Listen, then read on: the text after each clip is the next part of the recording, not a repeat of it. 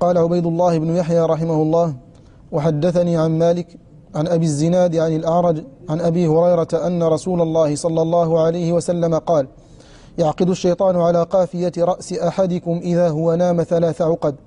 يضرب, على يضرب مكان كل عقدة عليك ليل طويل فارقد. فإن استيقظ فذكر الله انحلت عقدة. فإن توضأ انحلت عقدة. فإن صلى انحلت عقدة. فأصبح نشيطا طيب النفس وإلا أصبح خبيث النفس كسلان. قال عبيد الله رحمه الله حدثني عن مالك عن أبي الزناد. اسمه عبد الله بن ذكوان مات سنة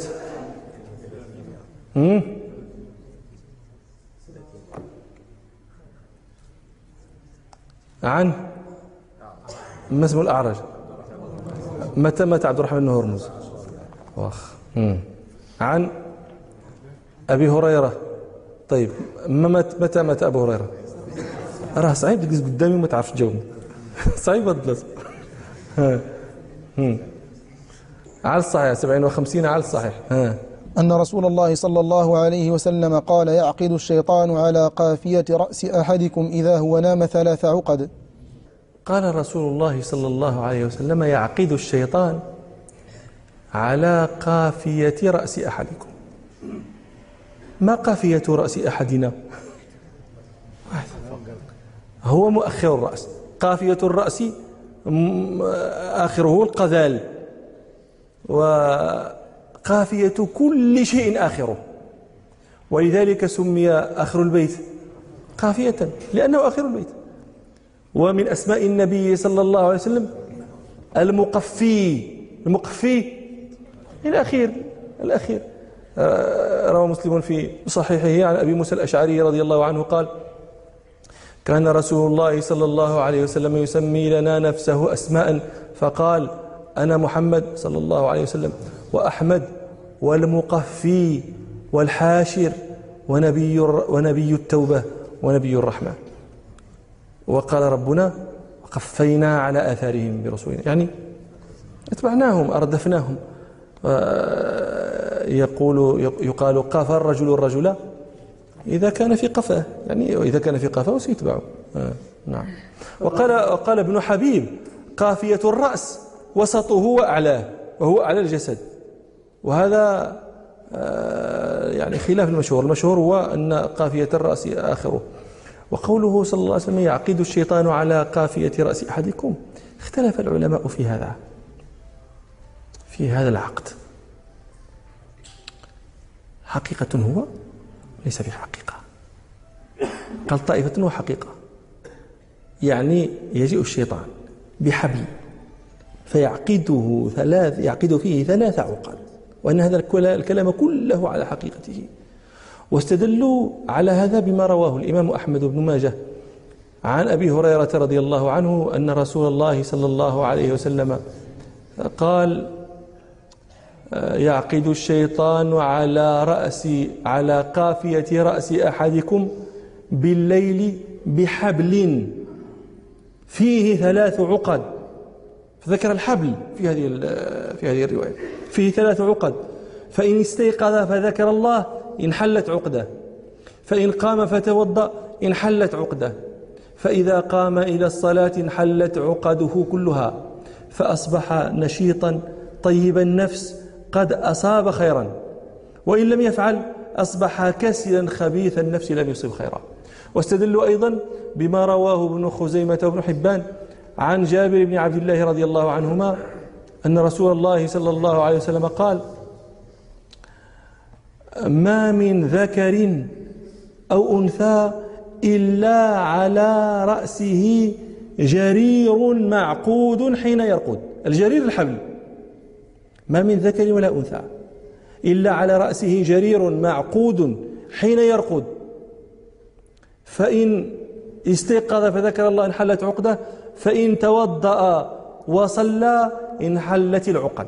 فقالوا هذه هذان الحديثان فيهما التصريح بالحبل والجرير فهذا يدل على أن هذا الكلام على حقيقته. قالت طائفة لا. هذا الكلام ليس على حقيقته وإنما أريد به المجاز أريد به التمثيل. شبه فعل الشيطان بالنائم كفعل الساحر بالمسحور. كما قال ربنا سبحانه ومن شر النفاثات في العقد ففعل المسحور فعل الساحر المسحور شبه به فعل الشيطان بالنائم وإنما أراد أنه يثبطه ويحبسه عن قيام الليل. كما قال الباجي. أبو الوليد الباجي رحمه الله يقول يحتمل أن المراد بالعقد السحر.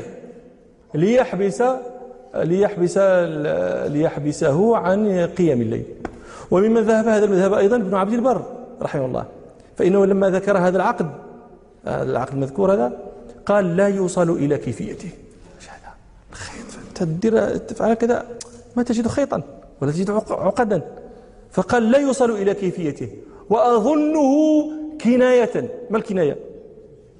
نوع من أنواع المجاز. قال وأظنه كناية عن تثبيت عن تثبيط الشيطان للإنسان عن قيام الليل. وذهبت طائفة من العلماء إلى أنه هذا النوع من الأحاديث يسلم له ولا يخاض فيه. قال الحافظ هشام بن أحمد الوقشي الأندلسي المشهور.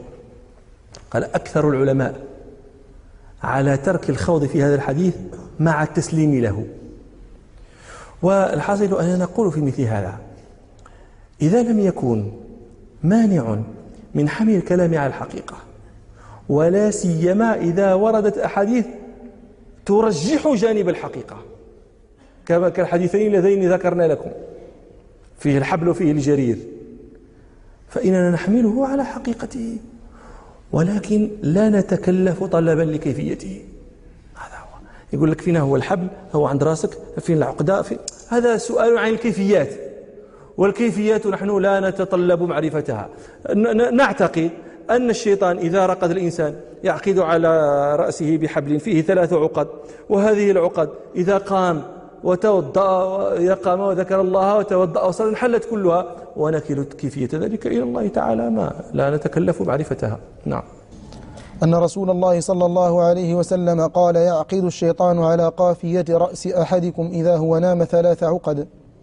عندما يقول النبي صلى الله عليه وسلم يعقد الشيطان على قافية رأس أحدكم ثلاث عقد هذه كلمة أحدكم. تفيد العموم هذه. يعني كل واحد منا من المخاطبين وممن يأتي بعدهم. يعقد الشيطان على قافيته بهذه العقد الثلاث. لكن هذا العموم محتمل للتخصيص. يحتمل أن يخرج منه. يعني عندما نقول محتمل للتخصيص يحتمل أن يكون بعض أصناف الناس لا يعقد الشيطان عليه تلك العقد. لا يعقدها على أقفيته. من أولئك مثلا ذاك الذي صلى العشاء في جماعة. قد روى مسلم في الصحيح عن عثمان بن عفان رضي الله عنه أن رسول الله صلى الله عليه وسلم قال من صلى العشاء في جماعة فكأنما قام نصف الليل.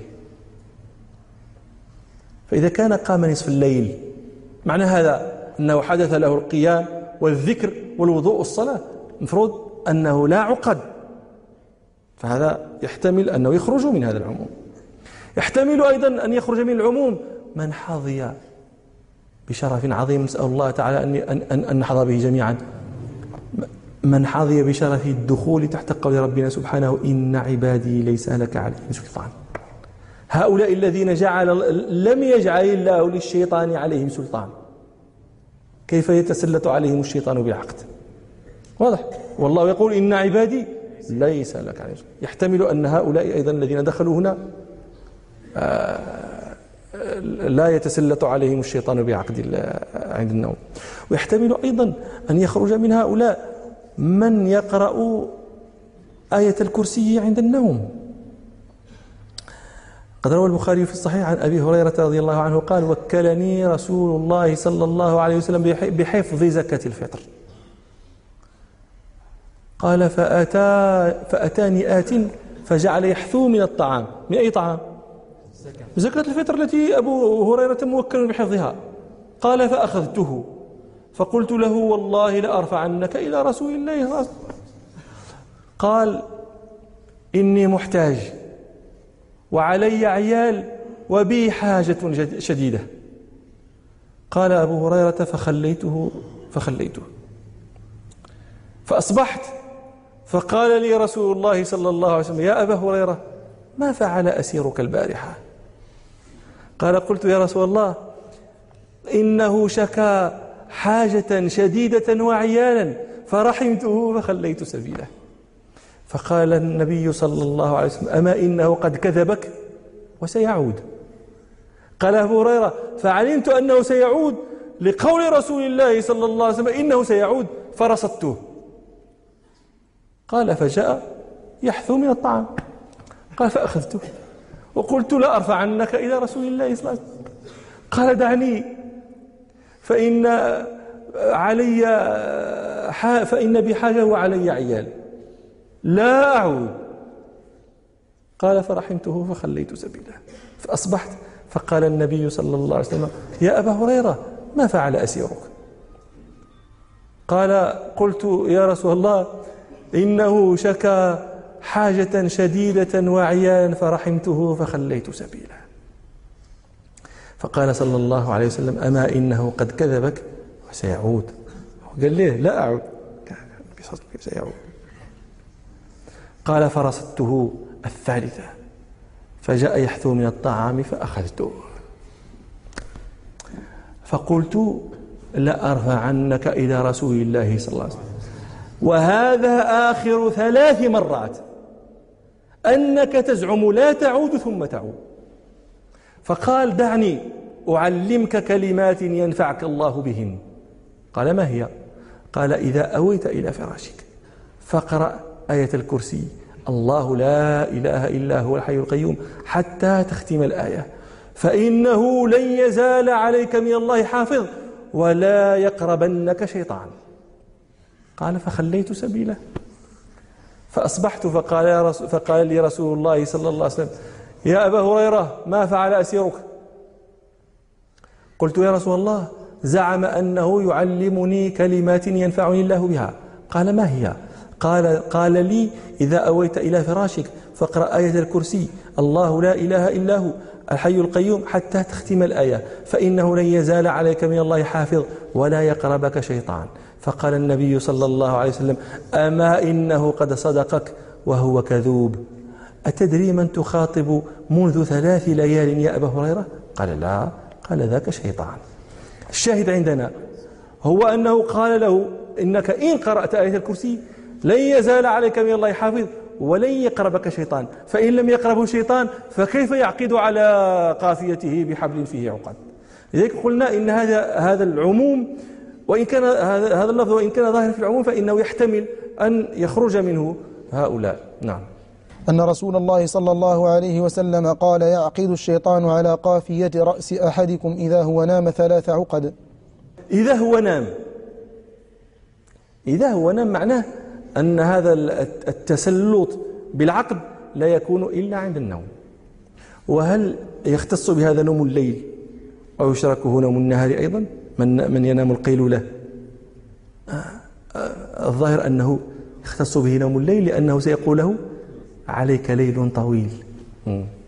يضرب مكان كل عقدة عليك ليل طويل فارقد. يضرب مكان كل عقدة.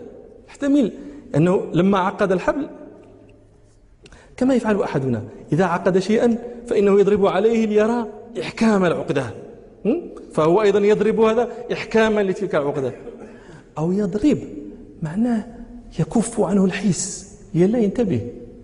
كما قال ربنا وضربنا على آذانهم في الكهف سينا ضربنا على آذانهم. معناه يعني منعنا عنهم الحس. منعنا الحس أن يلج في آذانهم فينتبهوا. يحتمل هذا وهذا. نعم. يضرب مكان كل عقدة عليك ليل طويل فارقد. لماذا يعقد ثلاث عقد؟ لماذا ثلاث عقد؟ لماذا لا يعقد عشرين عقدة؟ لماذا يجعل لا يجعل الحبل مفتولا؟ ها؟ لماذا ثلاث عقد؟ قالوا الثلاث هذا لا يراد به العدد يراد به التكثير فقط أنه هناك عقد. هكذا قال بعضهم. وهذا مهيع مطروق في لغة العرب. يذكرون العدد لا يريدون العدد إنما يريدون التأكيد وبيان الكثرة. وقال الطائفة لا وذكر الثلاث لأن الغالب أن الإنسان ينتبه في السحر. السحر آخر الليل فإذا قام ثلاث مرات لأنه سيقوم مرة ويجد العقد عليك ليل طويل يا ناس يقوم الثانية عليك ليل طويل يا نعم فلا تنقضي المرة الثالثة حتى يكون الليل قد ذهب. فاته الليل. لهذا تلك الثلاث. وقال طائفة لا. إنما يعقد ثلاث عقد ليمنعه ثلاثة أشياء. يعقد ثلاثا ليمنع ثلاثا.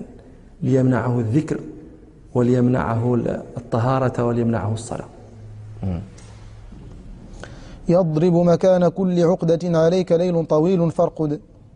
التسويف عليك ليل طويل. فارقد هذا التسويف والتثبيط ينتبه وهو يعلم أن تلك ذلك الوقت وقت ينادي الرب سبحانه العباد هل من تائب فأتوب عليه؟ هل من مستغفر فأغفر المسائل فأعطيه؟ يقوم عليك. يربت عليه كما تفعل الأم بصغيرها. عليك ليل طويل. فرق. وينتبه الثانية. ما كان كل عقدة. عليك ليل طويل. فإن استيقظ فذكر الله انحلت عقده. فإن استيقظ فذكر الله انحلت عقدة. انحلت عقدة الغفلة بالذكر. فإن توضأ انحلت عقده. توضأ انحلت عقدة النجاسة. فإن صلى انحلت عقده. وفي رواية انحلت العقد كلها. وهي رواية أيضا من رواية الموطأ من رواية يحيى الليثي. انحلت عقدة أو انحلت عقده. وهذا يدل على أن آه، يعني طبعا لما تنحل عقده فإنه كما يقول النبي سيصبح نشيطا فارحا طيب النفس بما وفقه الله إليه من عمل البر في تلك الأوقات الفاضلة. وهذا يدل على أن ذكر الله يطرد الشيطان. ولهذا قد حدثنا من أدركنا من العلماء أن بعض شيوخهم كان إذا جاءه رجل يشكو المشاكل في بيته ويقول البيت مشاكل والمرأة كذا كذا. كان يأمره بأن يكثر ذكر الله في بيته يكثر الصلاة يكثر قراءة القرآن لأنه يرى أن هذه المشاكل إنما تكون من نزغات الشياطين والذكر يطرد الشيطان. فأكثر من الذكر تنحل هذه المشاكل. وأنا أقول ذلك للناس أيضا. إحياء البيوت بذكر الله بالذكر بقراءة القرآن بالصلاة على النبي صلى الله عليه وسلم بالاستغفار بالصلاة ب... ومن جرب مثل تجربتهم مثل تجربتهم عرف مثل معرفتهم. نعم. فأصبح نشيطا طيب النفس وإلا أصبح خبيث النفس كسلان. نعم لكن هو قال النبي صلى الله عليه وسلم فإن استيقظ فصلى.